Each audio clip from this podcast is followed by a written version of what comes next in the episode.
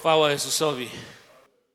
Wiecie, te pieśni prowadziły trochę w to, o czym chciałbym dzisiaj mówić. Wiem, że mam trochę mniej czasu, dlatego sobie wyświetlam tutaj zegar, aby nie zająć Was za długo. Natomiast z głębi serca wierzę, że jedną z najważniejszych części nabożeństwa jest Słowo Boże. Amen. Nie, nie dlatego, że ja akurat mam dziś ten przywilej je głosić, bo równie dobrze ktokolwiek z Was mógłby to robić, ale dlatego, że to jest to, co nas zmienia.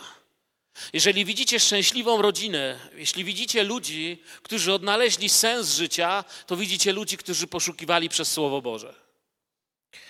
Niesamowicie ta pierwsza pieśń pokrywa się z tym, co dzisiaj chciałbym powiedzieć. Tam są takie słowa, że Bóg nawet zło zamieni w dobro.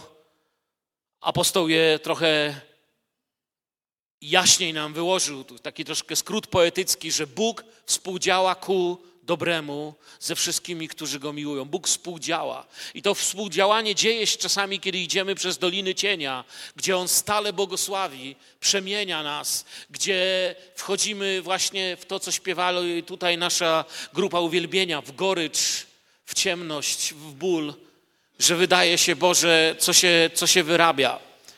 I Dzisiaj kolejna część mojego tego adwentowego cyklu wykładów, w którym się przyjaciele z Wami dzielę. Tego, co nas przemienia, tego, co sprawia, że odkrywamy, że my ludzie naprawdę podlegamy tej Bożej zmianie. No bo właściwie powiedzcie tak sami, kto z nas nie zawalił czegoś w życiu? Ile razy musiałem ludziom mówić, przepraszam. Ile razy musiałem ludziom mówić, ależ ja jestem głupi. Ile razy musiałem ludziom mówić, to nie tak chciałem.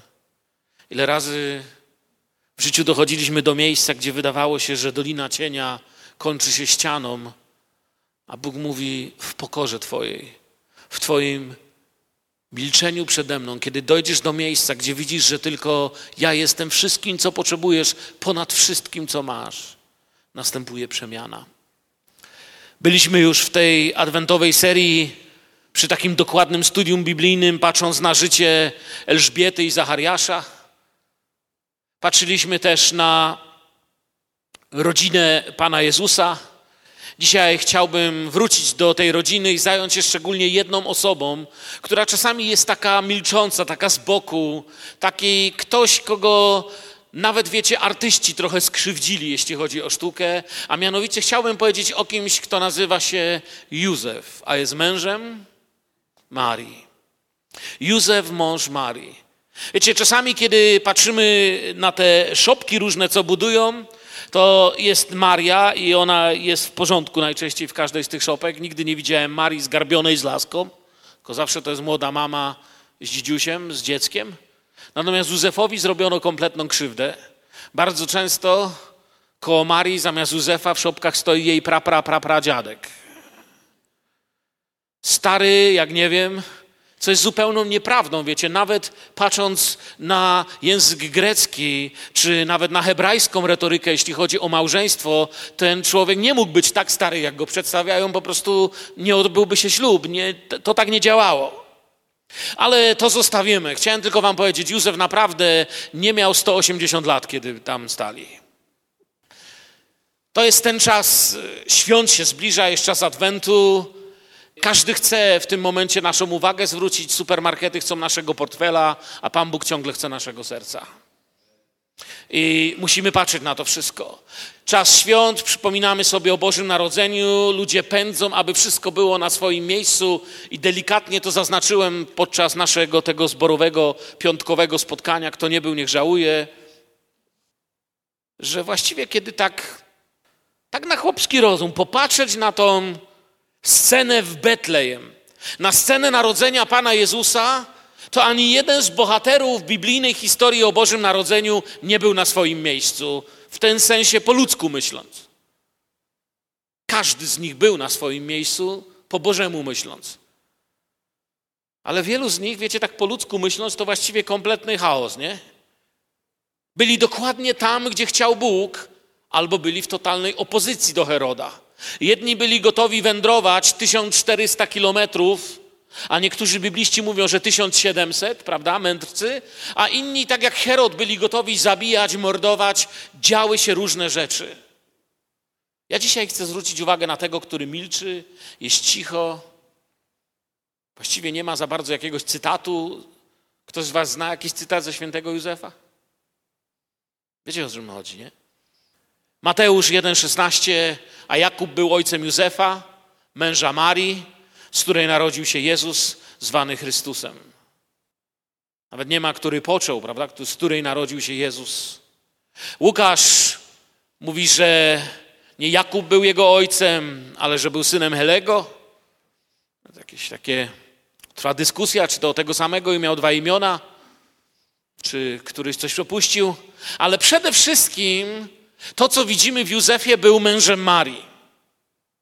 Z niej narodził się Jezus, a Józef kochał ją i opiekował się w przedziwnych okolicznościach. I przede wszystkim Jemu chciałbym poświęcić ten czas, który mamy dziś na badanie Słowa Bożego.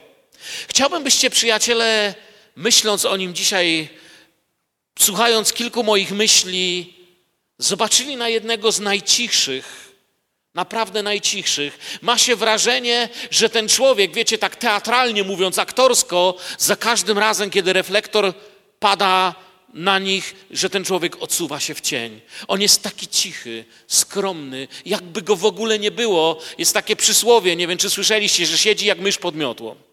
A przy tym on nie jest żadną myszą pod miotłą. On jest bohaterem. On idzie jak tarcza. Jest trochę jak, jak wiecie, jak silnik w samochodzie. Nikt tego silnika nie widzi. Każdy widzi z zewnątrz auto, wygodne fotele, jakiego koloru jest ale tam pod maską samochodu jest silnik, bez którego auto by nie szło. I on jest taki trochę ukryty. To w nim jest ta siła, by iść, wędrować, uciekać. Jest na miejscu, gdy nikt nie widzi, gdy milkną pieśni chwały. Józef, mąż Marii, o którym chciałbym dziś powiedzieć. Jest jedna z najpiękniejszych pieśni. Jest taka przepiękna katolicka pieśń, którą napisała siostra katoliczka Bożena Anna Flak. Powiedz, co czułeś, Józefie Święty. Ta, tak się zaczyna pierwsza zwrotka. Przepiękny utwór. Ma tytuł Rozmowa z świętym Józefem. Bardzo mnie dotknęła. Przeczytam wam ten tekst. Powiedz, co czułeś, Józefie Święty, w godzinę Twego zwiastowania, kiedy Bóg odebrał Ci wszystko i wszystko dał Ci w zamian.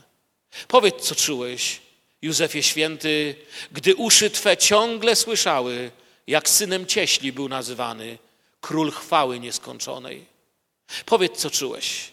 Józefie Święty, gdy siadał wraz z Miriam przy stole i zwykłym chlebem Jezusa karmił, chleb żywy wszech pokoleń.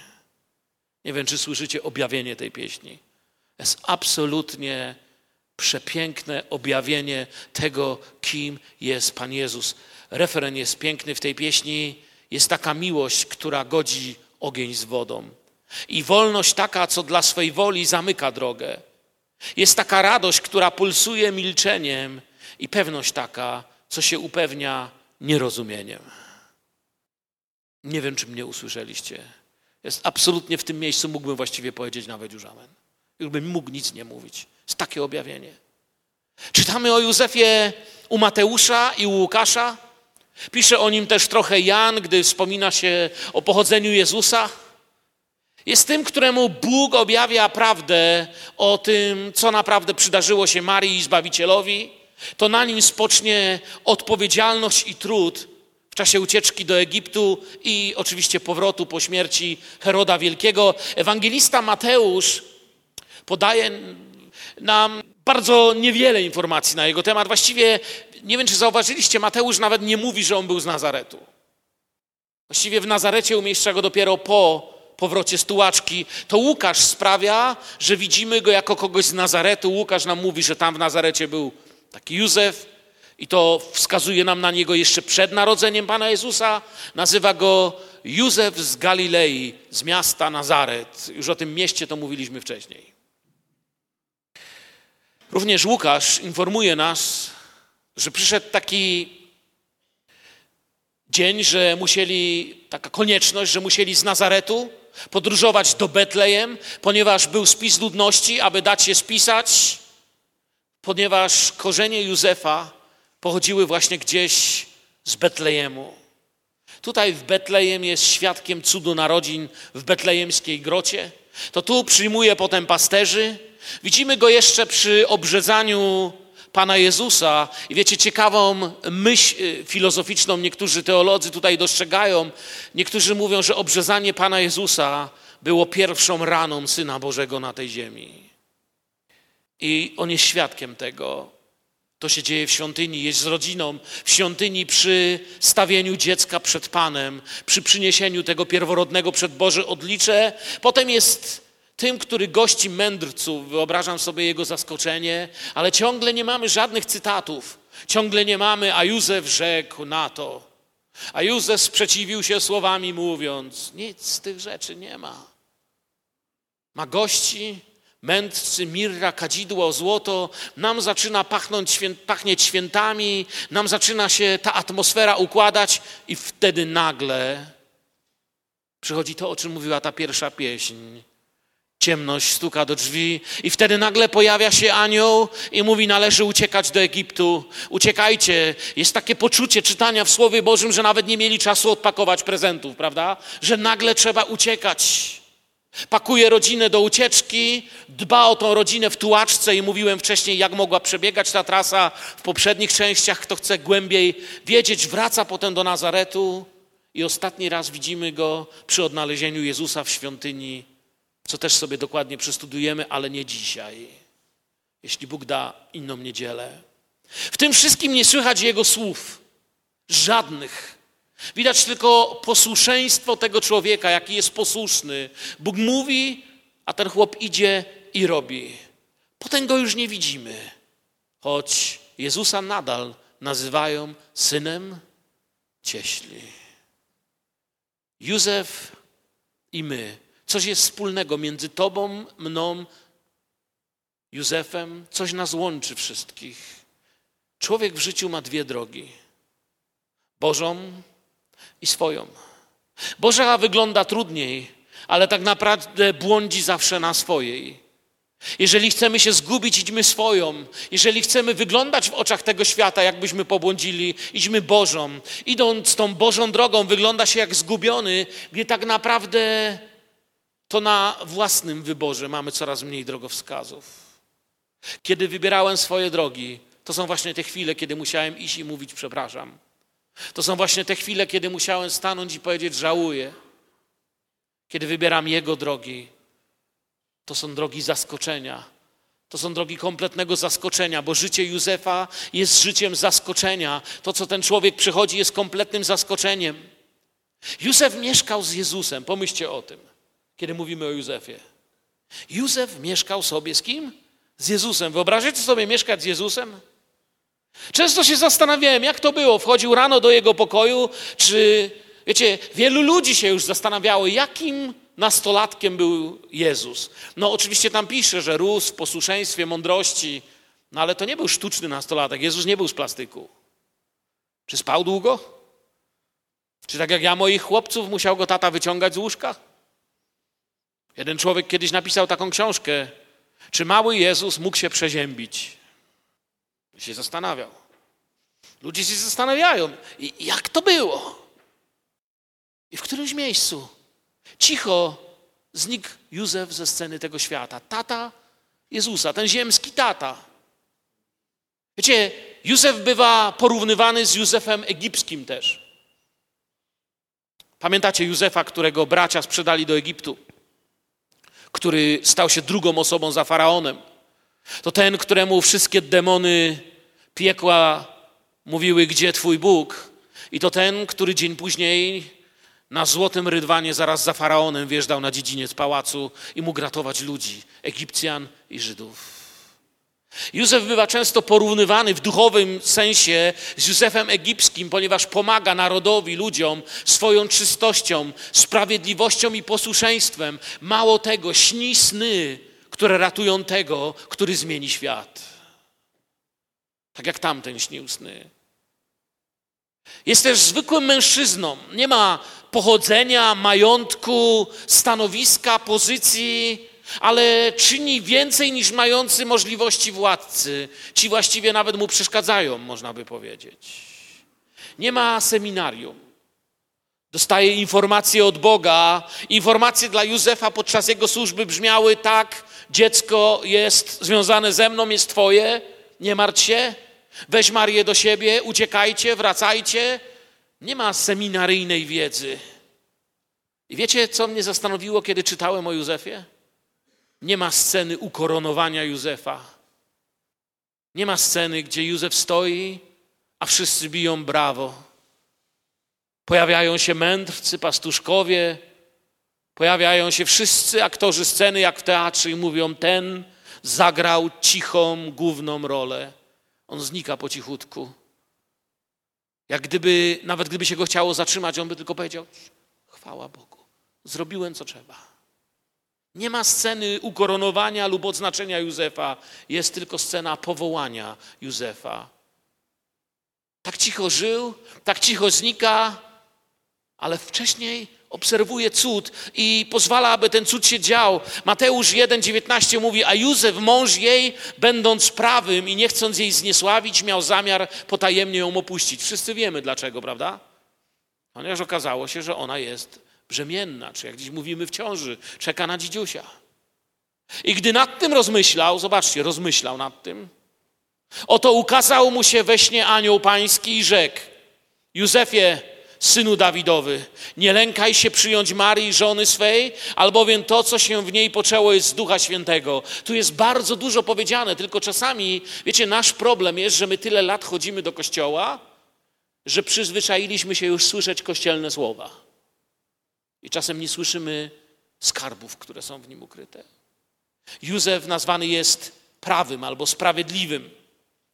Biblia mówi, a będąc człowiekiem prawym. W innym miejscu jest napisane, a będąc człowiekiem sprawiedliwym. Po hebrajsku to słowo brzmi sadyk.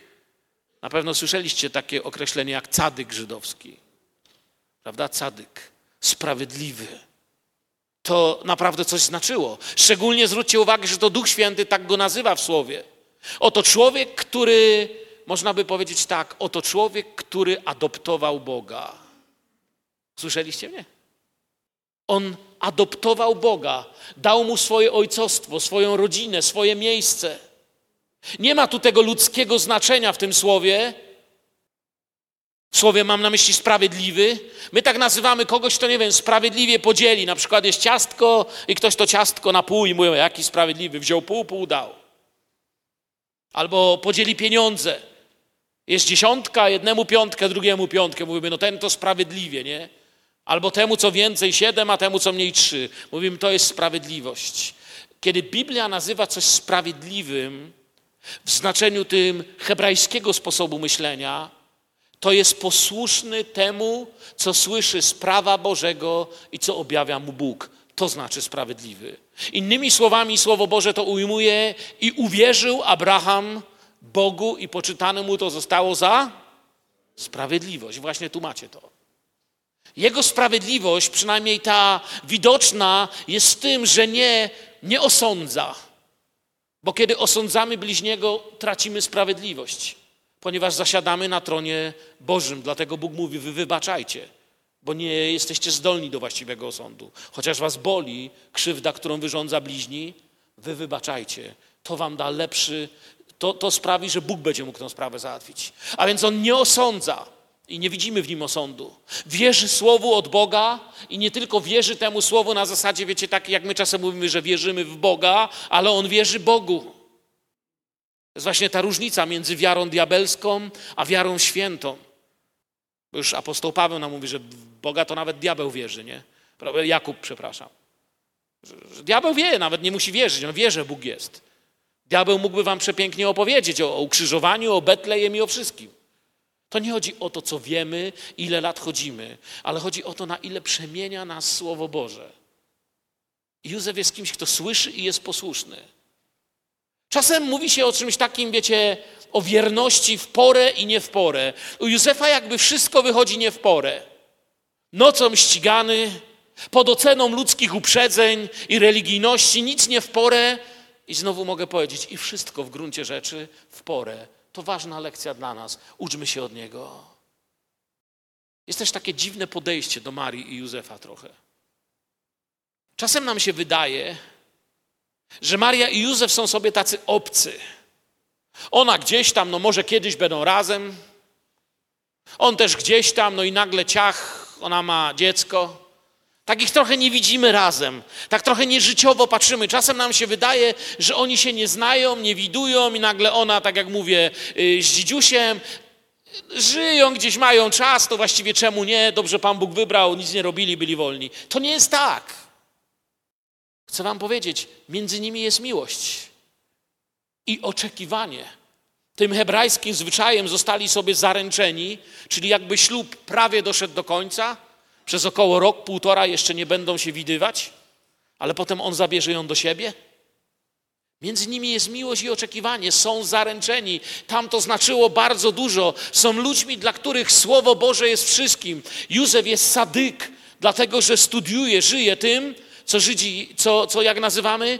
Tanach, czyli żyje Mojżeszem, prorokami, pismem. Z tego rośnie, dlatego Bóg może go używać i to jest dowód ich posłuszeństwa. I teraz nagle Maria przychodzi i mówi: Słuchaj, będę miała maleństwo, noszę dziecko pod sercem.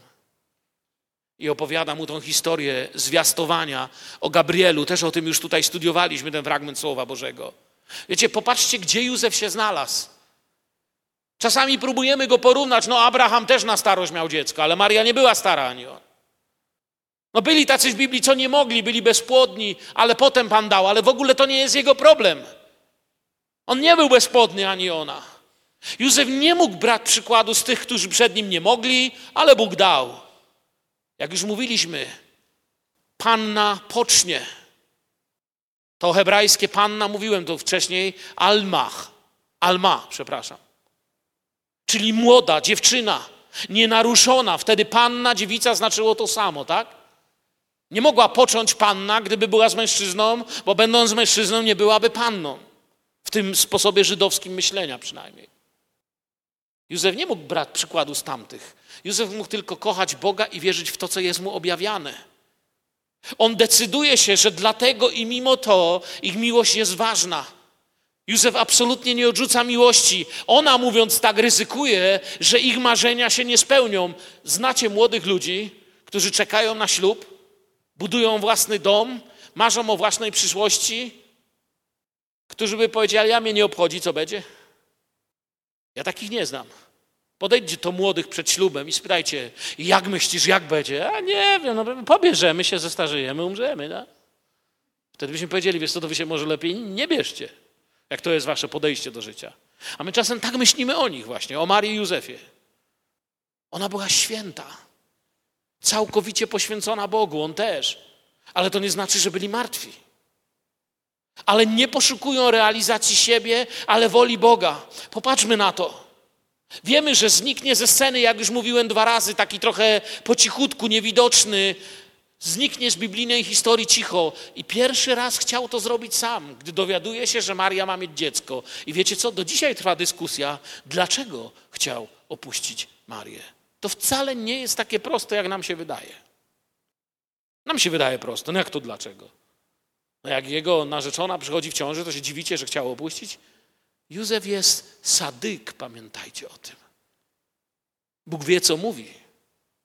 Pierwszy raz chce to zrobić sam, ale to jeszcze nie czas, by po cichu zniknął. Bóg ma jeszcze dla niego zadanie. On jest kimś, do kogo Bóg chce o tym mówić. Pamiętacie Zachariasza? Z czym się wam Zachariasz kojarzy? Ten chłop to był gaduła. To był jeden z tych facetów, którzy was zagadają na śmierć. Anioł się mu pokazuje, anioł opowiada. No ja nie wiem, nie wiem, nie wiem. Zariasz to tyle gadał, że w końcu anioł musiał co zrobić? Dziewięć miesięcy postu od słów. To była jedna z zagadek w konkursie, pamiętacie? Cii. Ale tutaj tak nie ma. Nie słyszymy Józefa, który mówi do anioła, ale słuchaj, myśmy plany mieli. Ale momencik, momencik, momencik, Gabriel. Ja rozumiem, ale Nie, tu nic z tych rzeczy nie ma. Jest absolutna cisza, pokora, coś, coś niezwykłego. Anioł mówi do niego po imieniu Józefie. Wiecie, dlaczego mówi po imieniu? Kiedy Bóg mówi po imieniu, to w ich kulturze oznacza, kiedy ktoś cię nazywa po imieniu, to znaczy relacje, to znaczy, że bezpośrednio z tobą coś ma, że sprawa dotyczy ciebie i mnie. Kiedy ja mówię Piotrek, bo on tu siedzi. Pamiętacie na przykład relacje między synem marnotrawnym a jego starszym bratem? On nie powiedział, że tam Krzysiek, Piotrek, Przemek, czy jak on się tam nazywał, czy Honza, czy jeszcze jak, wrócił i co, nie, on powiedział, ten syn twój. To była tam obcość taka, nie? A nie mówi, Józef, Józef, po imieniu, do ciebie mówię, posłuchaj. Mało tego, popatrzcie na to, co przed chwilą, ten werset, werset czytałem, używa imienia jego żony. Mówi mu, że nie tylko to Maria jest jego żoną, ale nazywa ją jego żoną. Czyli on widzi, Bóg szanuje to, że oni należą do siebie. Widzicie to? Bóg nie objawia się mu przez anioła, czy nie daje mu słowa przez anioła, mówiąc: Słuchaj, Józek, ja wiem, że chciałeś, ale Maria jest moja, przykro. Auf Wiedersehen. Nie. On ich traktuje jako jedno, bo tak Bóg widzi małżeństwo. Oni należą do Boga. Bóg widzi, że żyją dla Ciebie. Józef, do Ciebie mówię. Maria, Twoja żona. Widzicie, Bóg to szanuje. To jest Twoja żona. Ona się już zgodziła, teraz on ma to objawienie. Gdy się dowiedział o tym, że Maria oczekuje dziecka, wróćmy do tego słowa, o którym mówiłem wcześniej, chciał ją oddalić. A zastanowiliście się kiedyś, od kogo on się dowiedział, że ona oczekuje dziecka? To nie było tak, że on jeszcze nie wiedział i na drodze go zatrzymał anioł. Kiedy anioł do niego mówił, on już biedak nie wiedział, co robić z tym. Jeśli od niej to wiedział, to niektórzy mówią, chciał ją zostawić, bo miała mieć dziecko. Ale wiecie, niektórzy teolodzy mówią, że być może poczuł się niegodny, że nie jest problemem to, że on jej nie wierzył. On jej wierzył. On był sadyk. On wierzył w sprawiedliwość i i budował relacje z Marią, wiedząc, kim ona jest. Może czuł się niegodny, bo nie byłby sadyk, gdyby usłyszał tylko plotki, gdyby mówił: Słuchaj, ciotka Florencja mówiła, że. Słyszała to od koleżanki, znajomej koleżanki, żona kolegi z przedszkola, sąsiadka mojego przyjaciela mówiła, że. Nie. Skądś to wie? czytamy, że bał się ją zabrać do siebie. W tym człowieku, jeśli jest sadyk, nie ma bojaźni w sensie strachu, a więc bał się zabrać do siebie. Anioł we śnie mówi do niego, zwróćcie uwagę, właśnie to. Anioł mówi do niego, nie bój się jej zabrać do siebie. Kogo się bał Józef? Jeśli nadal wierzymy, że był sprawiedliwy, to sprawiedliwy boi się tylko Boga. Józef nie siedział i mówi, ja cię, co kazek z zapłotu powie. A jak Janek usłyszy? Nie, on się nie bał sąsiadów. On był sadyk. Nie chciał jej wsiąść do siebie, bo czuł się niegodny, Albo oczywiście możemy pójść tym tokiem myślenia, który mówi, no myślał może, że cudzołożyła, że popełniła cudzołóstwo, pozostaje nadal sprawiedliwy, nawet gdyby ktoś udowodnił, że to tak było, to zwróćcie uwagę, że nawet gdybyśmy przyjęli tą wersję, on ciągle nie chce jej wyciągnąć na publiczne światło.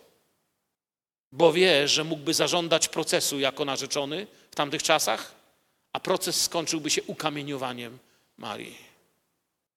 I w ten sposób tą, która Boga na świat miała wydać, można by było zamordować, ale to nie byłby sadyk. Boży głos rozwiewa wszystkie wątpliwości. Jego posłuszeństwo polega na tym, że bierze ją do siebie. Nie pisze, że Józef po namyśle powiedział, porozmawiam jeszcze raz z aniołem, ale raczej wierzę. Nie, nie pisze w ogóle nic takiego. Po prostu pisze, że zrobił to, co miał zrobić. Bo tak się wyraża wiara. My dzisiaj w naszych czasach musimy ciągle sobie coś powtarzać. On jest dla nas przykładem. Powoli idąc do końca i urodzi syna, nadasz mu imię Jezus, albowiem on zbawi lud swój z grzechów jego. Nadasz imię. I oto jest powołanie Józefa. On był powołany Wiecie, dziecko i matka musiały mieć to gniazdko, ten dom. Musiały mieć tą rodzinę. Musiało się wypełnić pismo. Nadasz imię i to jest powołanie dla Józefa. Jezus to Twoje zadanie, misja i powołanie, Józefie. W tym fragmencie słowa, który dzisiaj czytałem, jak sobie go sami w domu przeczytacie, cztery razy jest użyta, użyte takie słowo: weź dziecię i jego matkę. Cztery razy to słyszy. Cztery razy ten agresywny, brudny, pełny nienawiści świat chce uderzać cztery razy, tysiące razy chce uderzać w tą rodzinę. On cztery razy to słyszy. Polski Bart, śpiewak i poeta Paweł Orkisz. Bardzo lubię słuchać jego pieśni. Przepięknie śpiewa tekst o naturze takiego wyboru. Zamiast moich wielu słów chciałem wam przeczytać jeden, jedną zwrotkę tego wiersza. Bo kiedy wybrać kazali pomiędzy hańbą i zdradą, pomiędzy śmiercią i wstydem, pojawił się w nocy anioł. Iść do Egiptu rozkazał, po śladach tamtego człowieka, od słów i czynów przeklętych uciekać, uciekać. Ja myślę, że to jest piękne w Józefie, że słuchając Boga uciekał od tego, co złe, że mogę się Jego ciszy od Niego uczyć, bo przecież Bóg mógł znaleźć inny sposób, ale jakoś właśnie tak to jest do dziś, że Jezus objawia się w słabości. Że najczęściej my, ludzie, którzy tu dziś siedzimy, wiecie, kiedy nie poznajemy Jezusa? Kiedy najczęściej w swoim życiu minęliście Pana Jezusa? Ja go najczęściej minąłem, nie zwracając uwagi na biednych, bezdomnych, głodnych, płaczących, smucących się. Tam najczęściej mi się zdarzał błąd mego życia. Tam się ciągle jeszcze uczę. Nigdy nie zdarzyło mi się minąć Jezusa jakby w kościele, w pobożności codziennej. Ten Jezus jest łatwy. Ten trudny Jezus, ten prawdziwy, za którym trzeba iść, objawia się i nie chce mieć takiego zapachu, jak ja bym sobie wymagał. Nie chce być takim, jak ja bym chciał. Do dzisiaj ten Jezus chce być adoptowany, odziany, przyjmowany pod dach. To jest odpowiedzialność. I na tym skończę.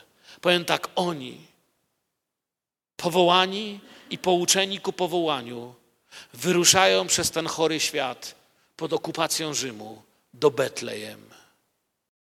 A z tego będzie jakiś cud. Panie, dziękujemy Tobie za Twoje słowo w ten niedzielny poranek. Dziękujemy Ci za lekcję od Józefa. Panie, przepraszamy, że zasypujemy Ciebie i naszych bliźnich rzekami słów, marudzeń, niezadowoleń. Ja Ciebie przepraszam, Panie, sam osobiście za moje gadulstwo, a nieraz i plotkarstwo w moim życiu. Za to, że tyle się mówi, a Panie ciągle tak mało Ciebie słucha. Proszę Ciebie dziś, Ojcze, abyś w nas te duchowe oczy wnętrza skierował dziś na Józefa, byśmy się uczyli w milczeniu, że kiedy Ty coś powiesz, to największym błogosławieństwem, jakie możemy dać naszym rodzinom, naszym dzieciom i naszym bliskim, jest słuchać to, co mówi Słowo. Że w Słowo Twoje jest światłością naszym nogom i pochodnią naszym ścieżkom. Dziękuję Ci, Panie, za ten czas. Amen.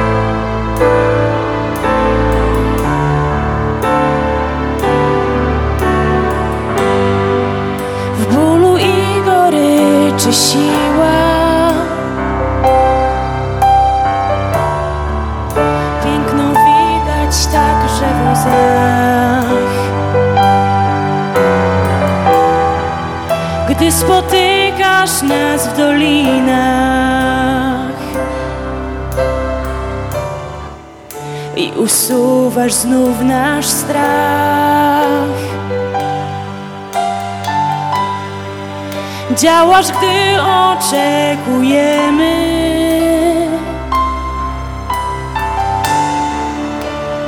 Uświęcając nas.